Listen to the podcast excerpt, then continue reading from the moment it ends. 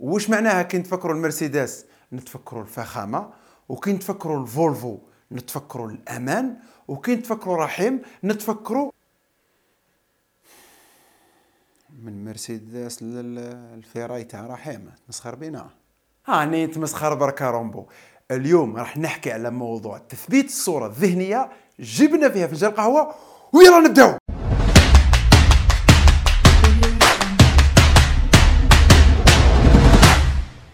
لو جينا نعرفوا التثبيت نقولوا باللي هو المكان المميز الذي يشغله المنتج في ذهن الشريحة المستهدفة مقارنة بالمنافسين. سي محمد وش هذا الكلام المعقد؟ ها بسط.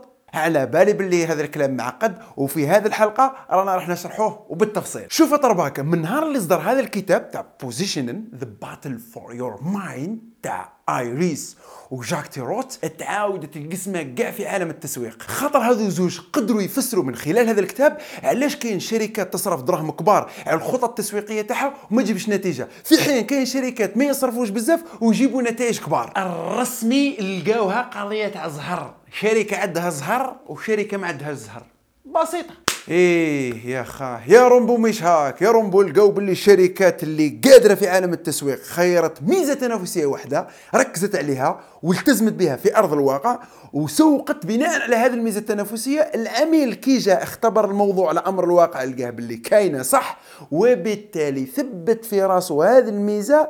وين يتفكر هذه الشركة؟ يتفكر هذه الميزة مباشرة صار ما يسمى بتثبيت الصورة الذهنية للعلامة التجارية. في المقابل لقاو باللي الشركات هذيك اللي صرفت دراهم كبار بزاف على الخطط التسويقية وما جابتش نتيجة لقاوها باللي كل مرة تحكم ميزة تنافسية وتخاطب بها نفس العميل. وبالتالي هنا صارت تشتت عند العميل وما قدرش يكون صورة ذهنية واحدة على هذه العلامة التجارية. وين راه المشكلة سيدي؟ شركة بسلامتها عندها بزاف ميزات تنافسية كيما راك تحكي وفي كل مرة دير إشهار على واحدة فيهم علاه تحسدوا فيهم أنتم سيدي.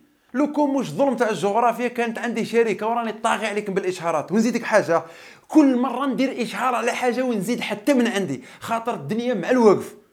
أنا نطيح خشين خاطر فهمت باللي كل ما تطيح خشين تربح أكثر. هاك جيت لقلب الحبة. خاطر مخاطبة نفس العميل. بميزة تنافسية في كل مرة قد يؤدي إلى فقدانه. ويا ويل العلامة التجارية اللي تقول على حاجة في الحملات الترويجية نتاعها وهي ما عندهاش على أرض الواقع. تسمى قمة كلها تلعبها النخشين بميزات تنافسية ما عندكش أصلا. أغلقها يا رومبو وما تغامرش بينا.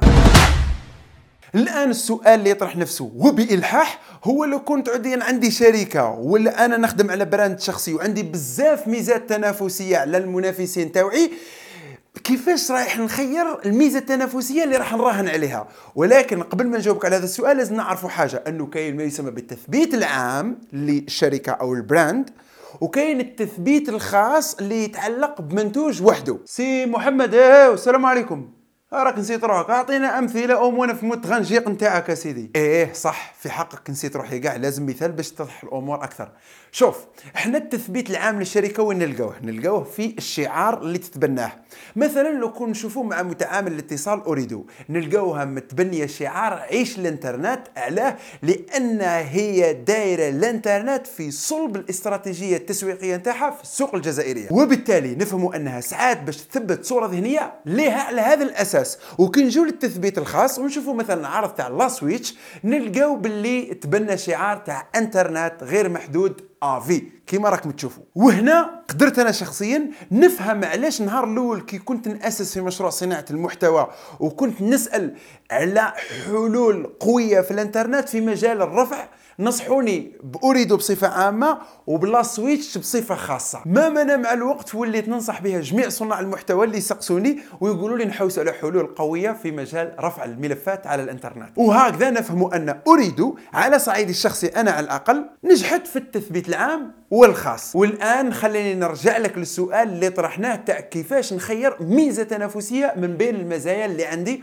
ونحاول نثبتها. وهنا ومن بين أبسط الطرق المستخدمة في التثبيت أنه نحكموا جميع الاستخدامات للمنتج تاعنا نحكموا استخدام منهم نشوفوا المنافع اللي ولدها للفئة المستهدفة اللي خيرتها نختار منفعة واحدة منهم ونلتزم بها ونضرب عليها. وهكذا تقدر تفهم علاش مرسيدس ومن بين كل الاستخدامات للسيارات النفعية والمنافع المتولدة على كل استخدام خيرت أنها تثبت على أساس الارقى مكانه وعلاش BMW خيرت الأفضل فعالية في القيادة. وعلاش هيونداي خيرت الأقل تكلفة؟ وعلاش فولفو خيرت التثبيت على أساس الأكثر امانا؟ وإذا حبيت تزيد تتعمق في هذا الموضوع أكثر وتعرف طرق أخرى للتثبيت ننصحك بال cours تاع الدكتور مصطفى نوارج اللي موجود على أكاديمية اعمل business واللي بالمناسبة راح في هذه الحلقة يربح معنا 25 واحد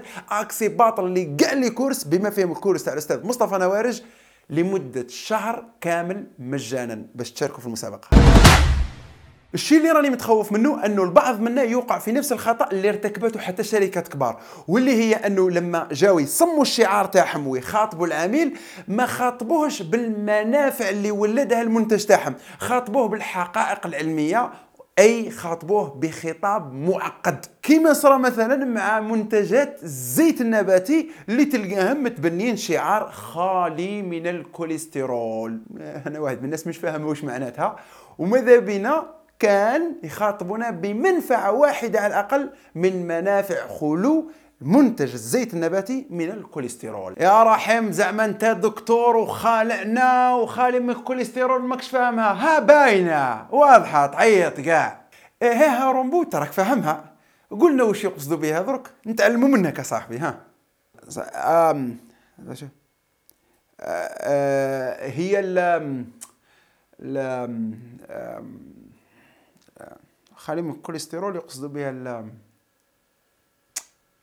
شفتها رنبوع. وقتها يفتح عليك ربي وتبطل النرجسيه تاعك هذه وتعرف قيمة العلم. معليش يا سيدي الحل باش نتجنبوا الوقوع في هذا الخطأ لازم نفهموا أن الحقائق العلمية اللي موجودة في المنتج تاعنا كل حقيقة علمية فيها توفر مزايا والمزايا هذه راح تولد لنا منافع. إحنا واش نديرو؟ إحنا لازمنا نركزوا على منفعة واحدة بما يتوائم مع الشريحة المستهدفة تاعنا وكيفية استخدامها للمنتج والغاية نتاعها من وراء استخدامها لهذا المنتج. وبناء على ذلك نصموا الشعار لتثبيت هذه المنفعة كصورة ذهنية للمنتج تاعنا في ذهن الشريحة المستهدفة تاعنا. مثلا شركات الأدوية اللي تنتج الباراسيتامول تحت أسماء تجارية مختلفة. هنا وبما أنه هذه الشركات لعبت لعبة تسويقية صح؟ بدل ما تخاطب بالفئات المستهدفة تاعها بالحقيقة العلمية خاطبتها بالمنفعة المتولدة على المزايا اللي تولدها الحقيقة العلمية. لأن الباراسيتامول في الأخير يوفر لك منفعة تاع تسكين أغلب الأنام وتخفيض الحمى. وهكذا كل شركة فيهم خاطبت الفئة المستهدفة تاعها بالمنفعة اللي تلبي الاحتياج نتاعها وثبتت الصورة الذهنيه على هذا الأساس. وهكذا تقدر تلقى باللي شركة تقول لك باللي هذه الأقراص مسكن لالام الرأس. واحدة أخرى تقول لك مسكن لالام الأسنان. وشركة أخرى تقول لك مسكن لألام المفاصل والعظام. في نفس السياق ومن بين الحكايات الطريفة حول موضوع الحلقة توصل الدكتور سانجاي مانوتشا من خلال دراسته اللي كانت بعنوان دراسة العلامات التجارية. التحديات تحديد المواقع وإعادة التموضع. واللي تحدثت على سوق ملح الطعام في الهند. ورغم أن ملح الطعام هو منتج بسيط في الأخير إلا أن الدكتور سانجاي توصل لنتيجه وقال في المقال تاعو اليوم لا يذهب المرء إلى المتجر ويطلب الملح فقط ولكنه يطلب ملح تاتا أو كابتن كوك أو أنابورنا. أصبحت هذه العلامات التجارية جزءا لا يتجزأ من حياتنا اليومية. وهذا إن دل على شيء فإنما يدل إحنا راني أنا نهضر مش singe على قيمة علم التسويق وأهمية تثبيت صورة ذهنية. وهنا يا رومبو رغم أن الملح ملح وكاع كيف كيف لا غني بالبروتين لا مليء بالحبيبات لا راهو خالي من الكوليسترول الشيء اللي راك فاهمه أنت. ولكن الربحة للشركة اللي نجحت في تثبيت الصورة الذهنية لدى الشريحة المستهدفة تاعها. التسويق حاجة fort بزاف. وماذا بيا شارك معنا في المسابقة المعرفية باش تربح معنا فرصة للوصول إلى جميع كورسات اعمل business بما في ذلك كورسات التسويق اللي راح يعاونوك بزاف. والمطلوب شيء هو تدخل للرابط اللي راح يكون في الوسط اليوتيوب ولا في التعليق في الفيسبوك وتشارك معنا وتدخل في السحب وإن شاء الله تكون من بين ال 25 واحد اللي راح يربحوا معنا accès باطل لجميع les cours نتاع اكاديميه اعمل business لمدة شهر كامل. في الأخير شكرا جزيلا لكم على دعمكم ومساندتكم وتشجيعكم وشاركوا هذا الفيديو مع أصدقائكم واتركوا لنا تعليق حول هذا الموضوع. والسلام عليكم ورحمة الله تعالى وبركاته. سا سا سا سا سنحيا كراما بحول الله.